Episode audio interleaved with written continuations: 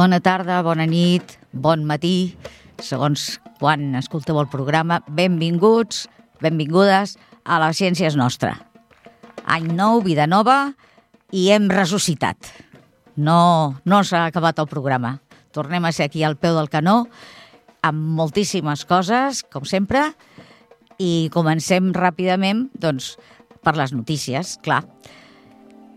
Doncs bé, eh, parlem de les emissions de CO2.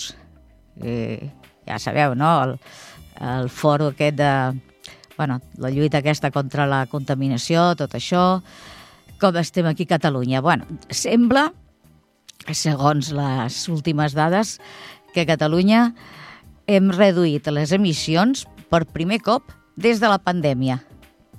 Clar, la pandèmia, com que estàvem tothom tancadet a casa, però després va tornar a pujar, doncs bueno, sembla que ara per primer cop hem reduït una mica, que evidentment no és suficient, hem de fer molta més feina, però, bueno, doncs mira, mm, és un, una miqueta esperançador, no? Eh, bé, eh, l'any 2023, o sigui l'any passat, les emissions van disminuir un 5,5% a Catalunya en comparació amb l'any anterior. bueno, mira, eh, és important perquè és un canvi de tendència eh, que fins aleshores havíem anat pujant cada vegada més, eh, però bueno, doncs a veure si, si ho mantenim i si ho millorem. Oh, perdó, ho millorem una mica més, vaja, una mica més, molt més, ho hem de millorar. Si volem complir els objectius que es van marcar per el 2030, doncs encara estem molt lluny. Però bueno, doncs eh, aquí estem. Eh, bueno, tinc molta més parrafada, però mira, us, us l'estalvio, eh, però si voleu saber més del tema, doncs Sant Google és el nostre patró, ja ho sabeu. Bé, eh, tira endavant. Sant Joan de, Déu assaja el primer tractament per a la síndrome de l'ovari poliquístic. Eh, no és eh, cap broma, això. Eh, és, una, eh, és un problema que, que pateixen força dones i eh, entre el 5 i el 10% de les dones eh, en edat fèrtil i que a més és, un, és una síndrome bastant desconeguda.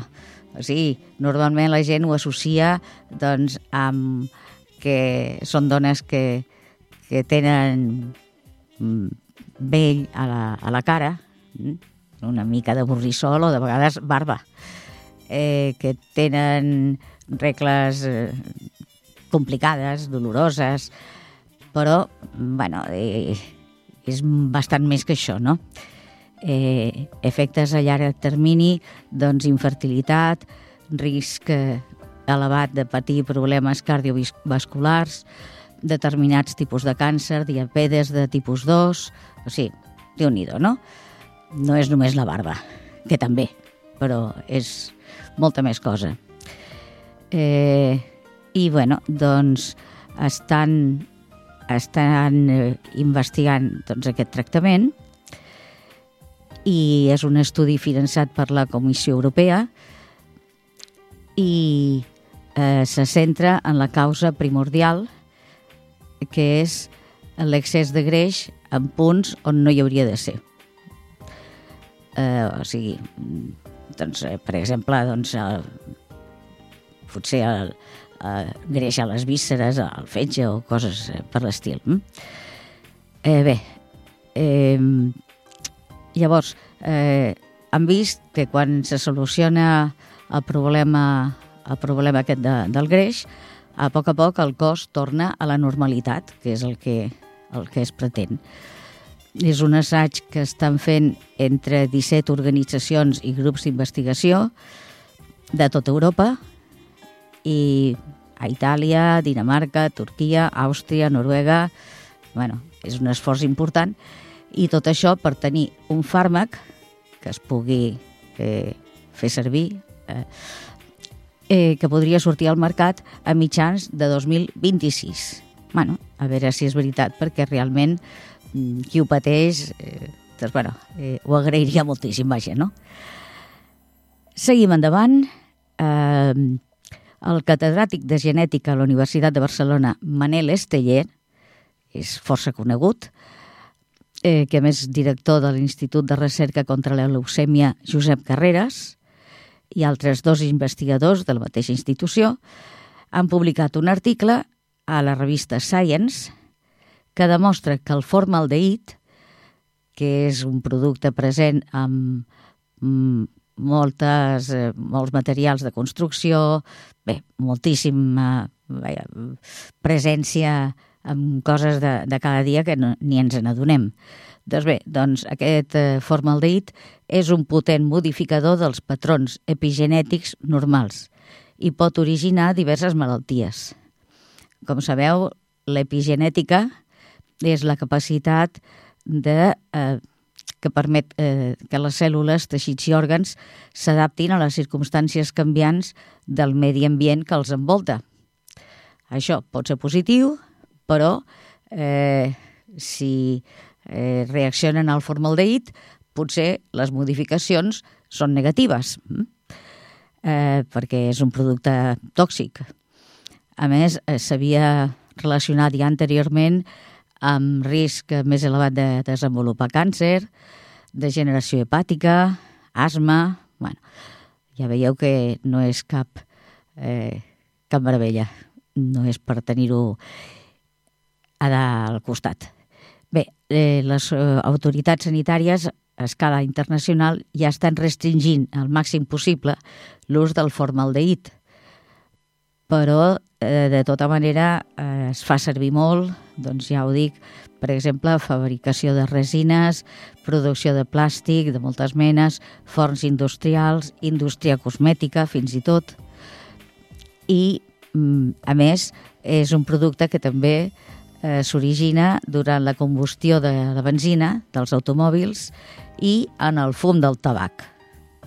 Per tant, eh, doncs tot el que eh, signifiqui eh, controlar doncs això, eh, el fum dels cotxes, el fumar, que això sabem tothom que, que és dolent, vaja, eh? a més de per la butxaca, per la salut. Doncs eh, intentem, a part de que les polítiques eh, ho estan intentant, però nosaltres també a nivell particular, doncs prenguem-s'ho en sèrio perquè eh, realment el formaldehid eh, és molt nociu. Bé, doncs una altra cosa. Eh, de tumor fred a tumor calent. Què vol dir això? Doncs, bueno, eh, es parla de que hi han com dues menes de tumors en funció de si el sistema immunitari els, els eh, diguem, reacciona davant d'ells o no.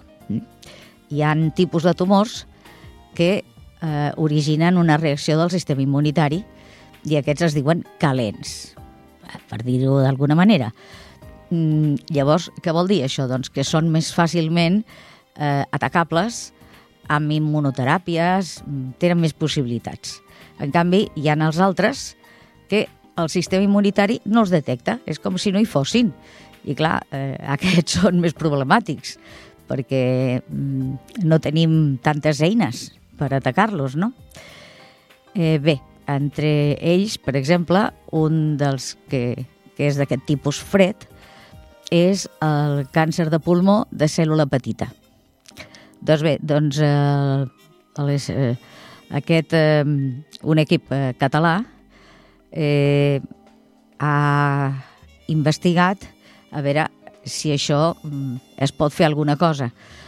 Eh, L'equip el lidera l'Israel Canyades, que és un, és un metge que es va formar aquí a Barcelona, després a l'estranger.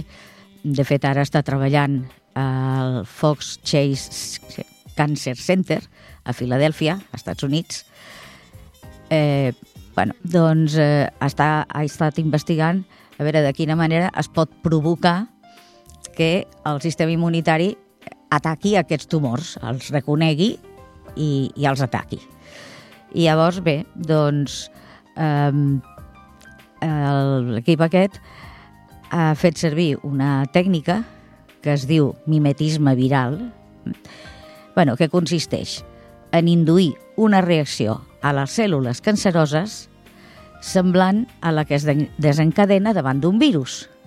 O sigui, això ja ho sabem, quan ens entra un virus, doncs tenim aquí tota una sèrie de cèl·lules del sistema immunitari que el detecten, l'ataquen... bueno, doncs és qüestió d'intentar que passi el mateix amb aquests tumors, que normalment mm, doncs, per si sol no passa. Vale. Doncs en aquest cas no cal fer servir un patogen, eh, però el, el cas és provocar aquesta reacció. Molt bé. Llavors, el doctor Canyades el que ha fet és bueno, investigar, fer un cribatge genètic, diu aquí, eh, bueno, investigar doncs, el, el genoma de pacients que tenen aquest tipus de càncer i tal, i llavors ha trobat un gen que li diuen DHX9, vale, no? eh, que eh, té molt a veure amb, amb tot aquest funcionament. Eh, aquest eh, gen doncs, té les seves funcions normals davant de, de dintre de les cèl·lules, però resulta que quan s'esborra, o sigui, quan s'elimina aquest gen, o, o es, es deixa que no, que no s'expressi, doncs s'activa la senya, senyalització del sistema immune. O sigui, quan aquest gen no hi és, el sistema immune diu, ei, a veure, què passa aquí? I això fa que disminueixin les cèl·lules tumorals. Vale. Com va això? Hem detectat que aquest eh, gen és clau, llavors el que es fa és eliminar aquest gen i llavors la cèl·lula tumoral secreta citoquines, no sé si us recordeu que es va parlar de la tempesta de citoquines eh, arrel de, del Covid, de la Covid. Eh, bueno, doncs eh, són unes, eh, uns productes, eh, són unes petites proteïnes que activen el sistema immune. El que passava amb la Covid és que hi havia massa i llavors això tenia efectes negatius. bueno, doncs aquest gen, quan el silenciem, eh, provoca que surtin aquestes citoquines i llavors s'activa el sistema immune i les defenses poden anar a reconèixer i atacar el tumor. I a més, eh, quan no hi ha aquest gen, eh, això fa que s'acumulin dins la cèl·lula tumoral grans quantitats tòxiques de mm, híbrids d'ADN i ARN, o sigui, coses a mig fer, mm, perquè aquest gen regula doncs, la, el, la producció de l'ADN i tot això. Doncs, bueno, quan no hi és, mmm, tot aquest sistema funciona malament i llavors aquestes cèl·lules eh, s'acaben morint perquè es va acumulant tot això que, que no és dolent, és com escombraries, i fa que aquestes cèl·lules eh, es morin. Eh, bé, aquest estudi el van, el van posar en pràctica amb ratolins, pobres bitxos que sempre els toca rebre, i eh, aquesta malaltia de, del càncer aquest de, de cèl·lules petites mm, té una, una progressió bastant ràpida i té unes probabilitats de, de curació bueno, bastant, bastant mínimes. Doncs bé, doncs, eh, van tractar aquests ratolins i al cap del temps que estava estipulat, doncs tots eren vius, o sigui, havien pogut eh, sobreviure al càncer aquest. Això és molt bo. Clar, evidentment, hem de passar de ratolins a animals eh, més grans i finalment doncs, a, a humans. O sigui, encara queda camí per córrer, però vaja, però és, és prometedor. Hm? Bé, eh, doncs eh, ja veieu, són petites passes endavant, però que mica en mica doncs, es veu que bueno, anem, anem avançant. Passem a l'agenda, si us sembla. Doncs bé, al Cosmocaixa eh, tenim aquests dies vinents eh, una sèrie de conferències molt interessants. Eh, la primera és dijous vinent, demà passat, eh, a càrrec del doctor Bonaventura Clotet, ben conegut, expert en malalties infeccioses, i es diu Coneixement del sistema immunitari, els ensenyaments de dues grans pandèmies. Sí, molt actual, vaja. Ens explicarà les claus sobre el present i el futur de la nostra salut. Mm? Això, ja dic, és el dijous 25 al Cosmo Caixa i l'entrada són 6 euros, que inclou també l'entrada al museu. Per agafar les entrades heu d'anar a l'adreça cosmocaixa.org org barra CA de català barra conferències. Aquí teniu més explicacions i teniu doncs, eh, el lloc per adquirir les entrades que són entrada anticipada, no, no s'adquireixen allà, allà mateix, sinó que ha de ser per internet. Bé, aquesta és la de dijous. Després tenim el dimarts 30 de gener, el físic historiador de la ciència José Manuel Sánchez Ron, que parla sobre la revolució científica i la seva empremta en la ciència actual. Eh, revolució científica, doncs ja sabeu, el temps que des de Dalton en endavant, eh, tota aquella colla de gent, eh, bueno, eh, el gran boom que hi va haver doncs, cap al segle XVIII-XIX, no? Eh, la revolució científica. Mm, la conferència aquesta, perdó, la conferència es farà en castellà, el senyor de Ron eh, és castellano parlant, i, bueno, doncs, promet també ser molt interessant. Les condicions les mateixes, sempre. Eh, entrada 6 euros, eh, agafar el, el web de Cosmocaixa i, i anar doncs, allà amb, amb l'entrada a la mà. Allà al web aquest, eh, repeteixo, cosmocaixa.org barra CA de català barra conferències. Aquí teniu si encara hi ha entrades lliures, o com està la cosa. Bé, eh, l'endemà, dimecres 31 de gener, la conferència es diu Podria una intel·ligència artificial enganyar-nos a propòsit? Eh? La pregunta eh, té, té, la seva, té la seva gràcia. Bé, és una tertúlia interactiva, o sigui que la gent també pot participar, no només en plan conferència classe magistral, mm? Eh, amb dues expertes que són la Verònica Bolón i Pampa García, i que ens explicaran els conceptes més importants per entendre la intel·ligència artificial, el seu funcionament i possibles usos futurs. Bé, doncs eh, penso que també és un tema molt apassionant. I després ja, al febrer, el 20 de febrer, la conferència és què hi ha de cert o no sobre la vida extraterrestre. Eh? Des dels marcians verds aquests eh, fins, bueno, a veure, què, què en sabem en realitat, no? Deixant la fantasia i anant a, les coses reals. És a càrrec de Jesús Martínez Frías, eh, suposo que també serà en castellà, i doncs això, eh, dimarts 20 de febrer. Després, al març, encara hi ha més conferències, però aquestes les deixem pel programa de, del febrer, ja anunciarem. Bé, i a Ripollet què fem? Doncs mira, tenim una altra sessió de l'Escola de Salut, aquesta vegada dedicada a l'aplicació digital La meva salut, mm? que ja sabeu, és allò una aplicació que te descarregues, te la pots posar al mòbil tens tota una sèrie d'informació, tota una sèrie de gestions que pots fer, bueno, doncs, com es fa servir eh, i tot això.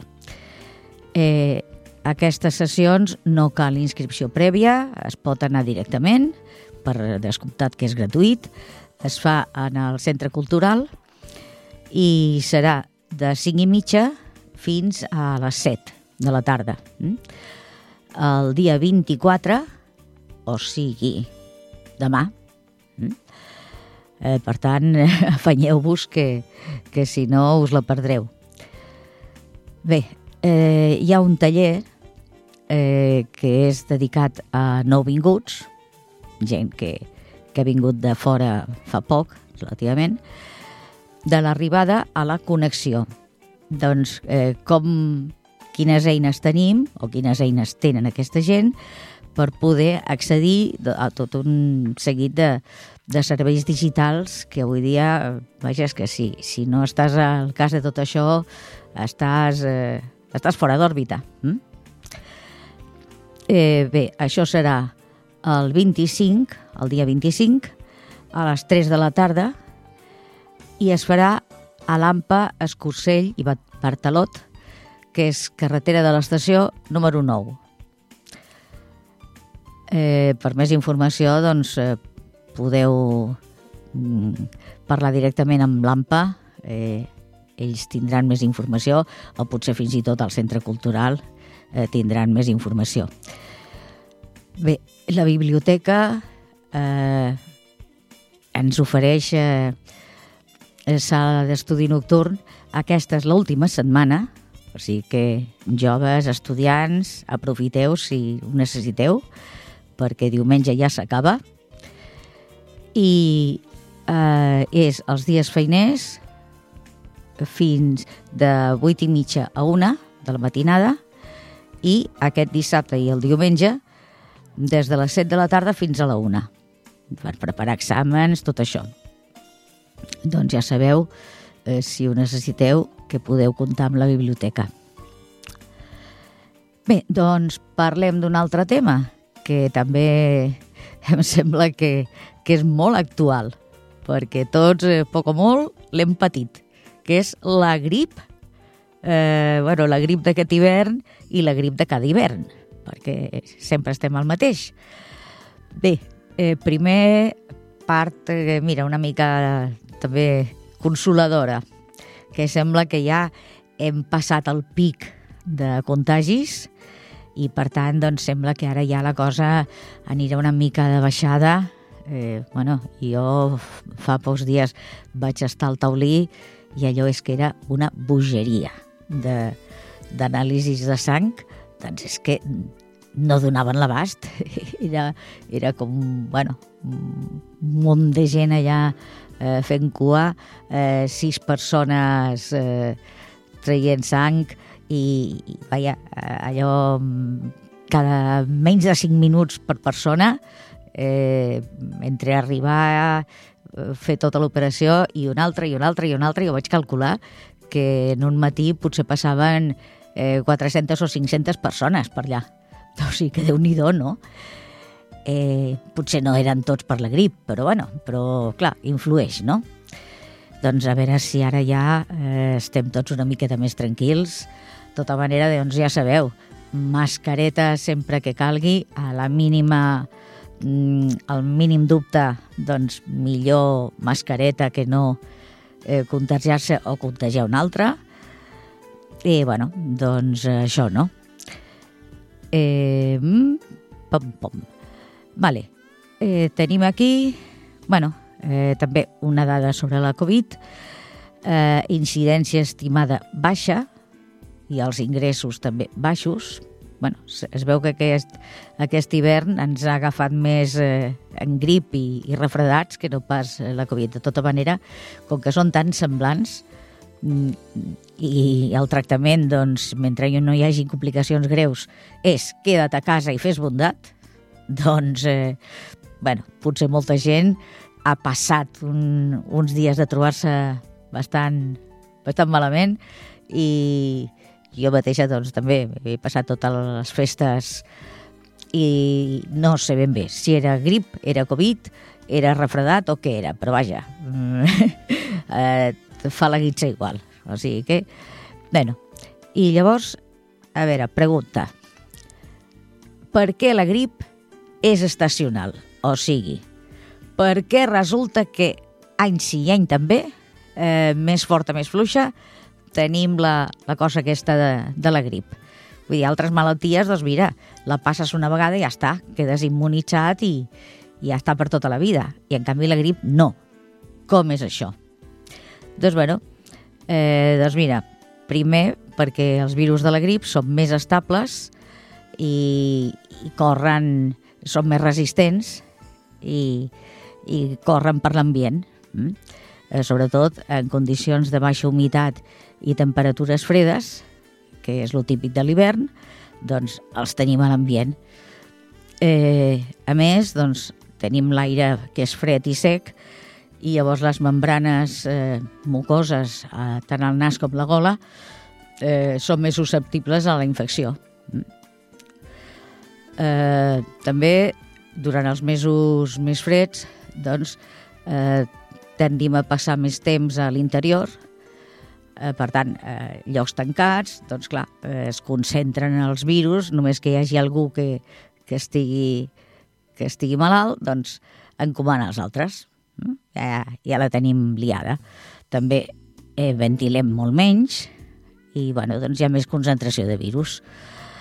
I també doncs, eh, algunes recerques eh, semblen, eh, suggereixen que la resposta immunitària també pot dependre dels nivells de vitamina D, eh, hi ha menys sol, per tant, doncs, sintetitzem menys vitamina D i això potser podria tenir a veure també hm?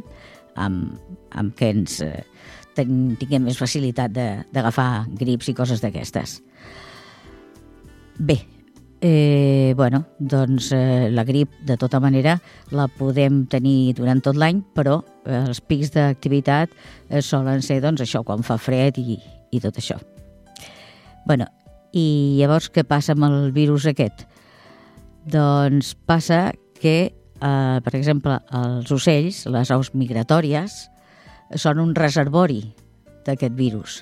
O sigui, allò de la grip aviar, Bueno, doncs és que els ocells eh, tenen el virus aquest, el, eh, són, eh, són capaços de tenir-lo dins i llavors eh, encomanar per allà on, on van, eh, doncs encomanar-ho a, a la gent, que, que pugui passar als, als humans.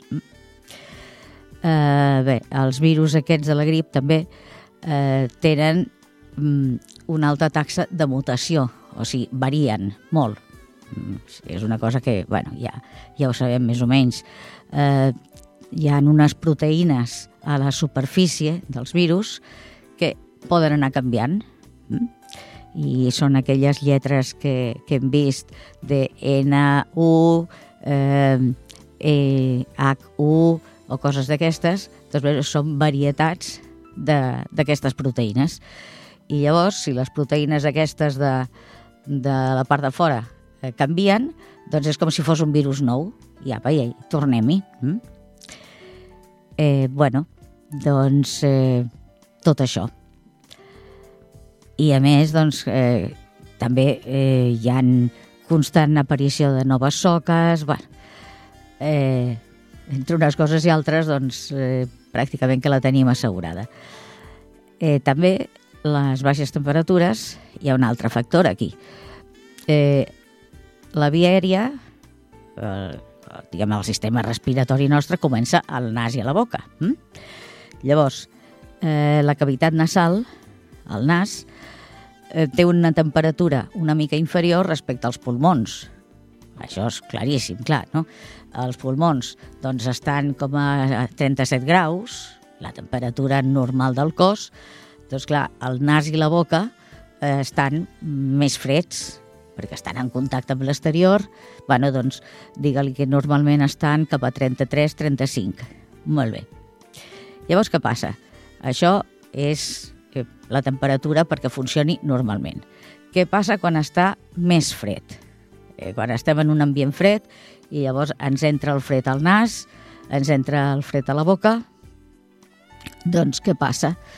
Eh, que ens comença a fallar el, el sistema immunitari a nivell de les mucoses, que hem parlat abans, doncs no és tan eficient. I llavors, què passa? Doncs que els virus eh, poden passar del nas i la boca cap avall i poden arribar als pulmons. Ja la tenim liada. Mm? Si a més aquest aire fred ens arriba també als pulmons, tard o d'hora, clar, si fa molt de fred, si estem a 9 graus de temperatura externa, doncs eh, hem de respirar, doncs clar, estem respirant un, un aire gelat, doncs, bueno, eh, també això fa que, que siguem més susceptibles a, a que aquests virus eh, ens ataquin. Bé, doncs, resumint, eh, què hem de fer? Protegir el coll, la boca, eh, perquè no ens entri, eh, no ens baixi la temperatura i sobretot que no ens baixi la temperatura dels pulmons. O sigui, com es tradueix? Bufanda. La bufanda de tota la vida. Mm? I, en segon lloc, doncs, beure molta aigua o molts líquids per hidratar eh, aquestes membranes que tenim, tant a les mucoses, tant a la boca com al nas, perquè funcionin millor. O sigui, el de tota la vida, però amb una, amb una explicació eh, científica darrere de per què això serveix. Passem a un altre tema, si us sembla, després d'aquest rotllo patatero que us he fet, pobres, eh, passem una mica de música i com que jo voldria ara parlar de colors, eh, doncs comencem eh, escoltant dos temes de blues, ja sabeu que el blues és eh, blau, eh, en anglès, de Michel Huber. El primer tema es diu Ballad of Julia, July i Blues i, i la segona es diu Blues Slow. Doncs per desintoxicar una mica de tot això tan llarg.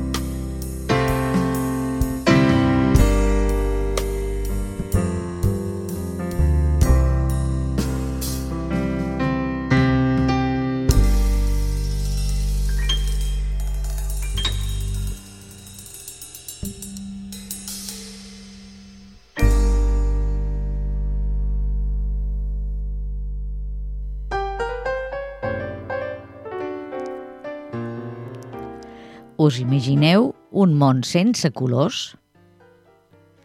A part dels quadres i tot això, bueno, eh, si no hi ha colors, els semàfors no poden funcionar. Eh, si, si tots eh, els colors els veiéssim igual, doncs no sabríem si una fruita es pot menjar o encara és verda. Bé, no, no podríem distingir. Tampoc no podríem saber si el nen petit, el nadó, té el culet irritat, perquè no, no, no ho veuríem. Vull dir que els colors, a part de l'estètica, doncs ens donen molta informació per viure, que ho tenim tan assumit que ni, ni pensem. Mm? Bé, i els colors d'on surten i quina història tenen darrere? Doncs eh, us faig eh, cinc cèntims, una miqueta. Comencem per la prehistòria. Bé, doncs a la prehistòria, eh, si recordem, tothom tenim al cap doncs això, Altamira i aquestes pintures, quins colors hi trobem? Doncs el vermell, un color ocre, un, el negre i el blanc, oi? Eh, són colors de la terra i el, el negre, doncs, eh, color de, del carbó, del sutge, això. Uh, I el vermell és de la sang? No, no és de la sang perquè, eh, si pensem, la sang quan, quan eh, s'asseca no queda vermella, sinó que, que fa un color bastant lletjot. O sigui que el vermell és terra vermella, és argila mm, que, que és vermella. Bé, i què passa a l'Egipte? Una de les primeres civilitzacions. Oh, aquest ja tenien molts més colors. Eh, cap al 4000, abans de Crist, doncs aquests ja s'havien inventat un pigment sintètic a base de vidre, de, de, que feien a partir de la sorra, i coure. Aquest pigment eh, nosaltres el coneixem com el blau egipci, clar eh, es va fer servir fins al segle XVI,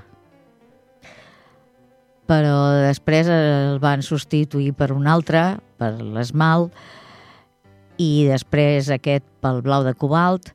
bueno, I llavors el blau egipci eh, es va acabar perdent la, la recepta. Eh, bé, els romans, aquest pigment, aquest eh, color blau egipci, el coneixien com el nom de cerulium, mm? eh, o sigui, color, diguem, celeste. Mm? Eh, després de l'època romana, doncs ja dic, eh, va anar fent-se servir menys fins que es va oblidar i fins que els temes moderns, els científics, han pogut eh, reconstruir-lo eh, investigant doncs, això, restes de, eh, que ens han arribat de, de pintures egípcies, han pogut eh, analitzar el pigment aquest i l'han pogut reproduir a l'actualitat. I altres colors? Doncs sí, tenim color verd de malaquita o de tsurita, tenim vermells, eh, cinabri, tenim eh, grocs de l'orpiment, el reixalgar. Eh, tots aquests colors són minerals que es troben eh, a la terra, hm? en mines, i llavors el que s'ha de fer doncs, és això, mm, reduir-los a, a pols, eh, barrejar-los amb algun aglutinant i ja tenim aquí el, la pintura llesta per fer servir. Hm? Si recordeu, doncs, eh, les tombes aquelles de... Això és eh, el nano aquell, caram, el Tutankamon, ara. Eh, doncs eh, recordeu aquells colors tan, tan vius, almenys que veiem a les fotos, jo no hi he estat eh, mai, no sé si, si és tan, tan impressionant, però bueno, doncs són aquells colors eh, molt macos, no? En canvi, el blau, eh, del, aquest, el blau ultramar, hm? Eh, aquest eh, no el feien servir com a pintura, el feien servir com a pedra semipreciosa. Mm?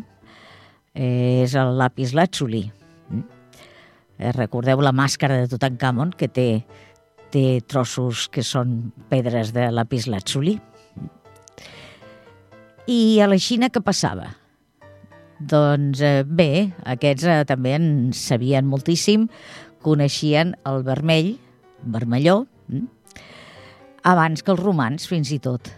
El vermelló eh, es, es treu del cinabri, que és un, un mineral, i eh, per això doncs, eh, li diuen vermell de la Xina. Hm? També tenien pigments vegetals, la gamba per fer el groc, eh, l'índigo, eh, que és aquell anyil, hm? eh, per fer un blau fosc, la malaquita, que és verda, eh, bueno, i tenien també un porpre que era diferent del porpre dels romans. Ara ja arribarem als romans. Eh, Grècia.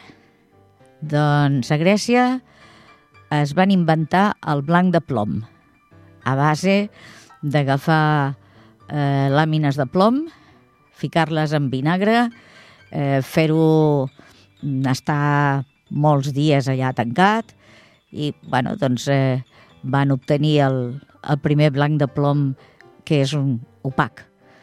O sigui que vol dir que té poder cobrent. Mm? Eh, aquest eh, l'anomenen també el Vallalde, us sona, us sona bastant a, a paraula que ve de l'àrab, oi? El Vallalde, o blanc de neu. Aquest eh, pigment s'ha fet servir fins fa quatre dies, fins als anys 60. I es va prohibir doncs, perquè el plom és tòxic, eh, si no encara l'estarien fent servir. Eh, bé, els grecs també tenien el vermell de plom, que és el mini, que aquest eh, d'aquí de, del mini ve la paraula miniatura, mm.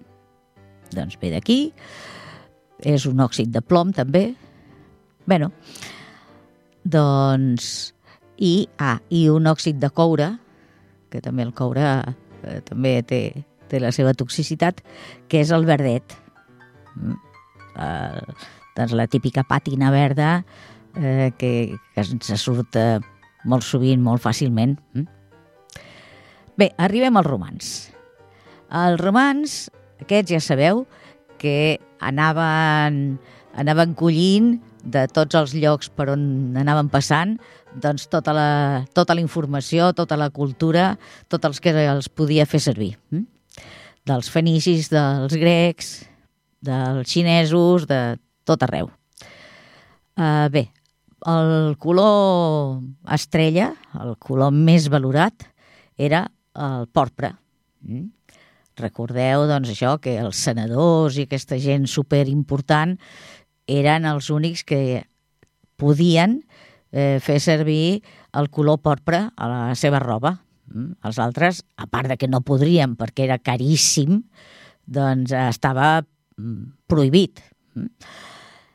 Eh, perquè era un color, doncs, això, símbol de, de, de poder, de... I el porpre d'on surt? Doncs això surt d'uns d'uns cargols, eh, un tipus concret de, de cargol marí, que és el Murex brandaris. Eh? A veure, són uns cargols que tenen com punxes.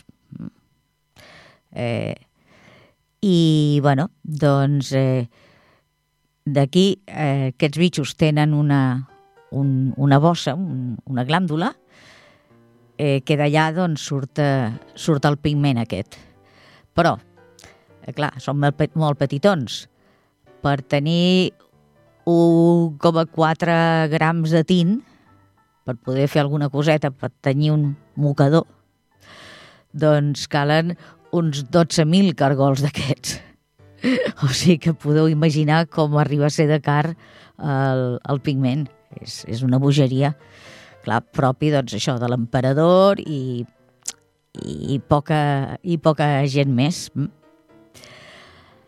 Bé, els fenicis, que van un pèl abans que els romans, eh, també tenien un color blau, eh, també similar, eh, que treien d'una altra espècie de cargol, parent d'aquest que hem dit abans, que l'altre era el Murex brandaris, doncs aquest és el Murex trunculus, comunament conegut com a cargol de punxes. Aquest el posen eh, als aperitius, eh, es menja, mm, com les escopinyes, aquestes coses. Mm? Doncs, bueno, era una altra varietat de cargol que, en comptes de donar un color més porpre, donava un color més blavós. I bé, doncs clar, aquests colors es van estendre per tot arreu on va arribar la, la cultura romana. I això va durar fins a l'edat mitjana i encara més. Doncs bé, l'edat mitjana. L'edat mitjana, alquímia, eh, monestirs, eh, herbaris, o sigui, eh, pigments, doncs, trets de, de plantes, de minerals i, i transformacions de, del mateix. Um, llibres miniats, o sigui, eh, llibres amb, amb il·lustracions eh, fets eh, amb mini i altres colors també, però eh, feien servir el vermell de mini, amb or, amb plata, els més, els més importants. Mm? Recordeu les imatges eh, que haureu vist. I molts productes aquests es podien fer servir per guarir malalties o per pigments. Bé, eh, de vegades doncs, el mateix producte tenia moltes utilitats. Bé, m'avisen que ens queden 5 minuts de programa. O sigui, que deixem aquí la història, eh, la reprendrem el proper dia, i ara, això sí, clar, doncs hem de parlar dels llibres ràpidament, ràpidament, i del, de l'experiment per fer amb els infants, amb els petitons. Bé, llibres. Doncs Els colors de la neu, d'en Pere Comelles i la Carme Junyent. Eumo Editorial 2021. Eh, sovint hem sentit que els esquimals eh, tenen molts termes per anomenar la neu. Pensem que hi ha molta, que han trobat moltes maneres de descriure-la amb més precisió, però no és ben bé així. Eh, en Pere Comelles i la Carme Junyent s'han posat les ulleres d'antropòleg i amb ells explorarem les relacions entre les llengües, les persones i el món. Aquest llibre està disponible a la Biblio Digital, ja sabeu, mm? amb el carnet de la biblioteca, doncs el podeu llegir sense, vamos, al mòbil mateix. Uh, llibre per infants, de diversos autors i il·lustrat per S.R. Sánchez, Colors de conte, editorial Barcanova 2020 eh, descobreix els colors amb els personatges dels contes. Quin és el color preferit de la caputxeta, o de la sireneta, o del drac. És una col·lecció adreçada als més petits, pensada per aprendre conceptes bàsics i despertar la imaginació. També disponible al Biblio Digital. I l'experiment en els últims minuts, segons, pintar amb llum. Què vol dir això? Doncs que no tots són pigments, amb la llum també es poden fer colors. Com ho hem de fer? Doncs linternes que tingueu per casa, eh, celofana, retoladors de colors. Llavors, és ben fàcil, doncs, eh, color groc. Doncs una, llanter una linterna, celofana, pintada de groc. Eh, el vermell. I llavors és qüestió d'encendre encendre'ls i veure què passa per exemple, intentar barrejar el groc i, i el vermell i veureu que tindreu sorpreses, serà, serà interessant. No tenim temps de res i ens veiem el mes vinent, o ens escoltem el mes vinent. A reveure. Lived a man who sailed to sea and he told us of his life in the land of submarines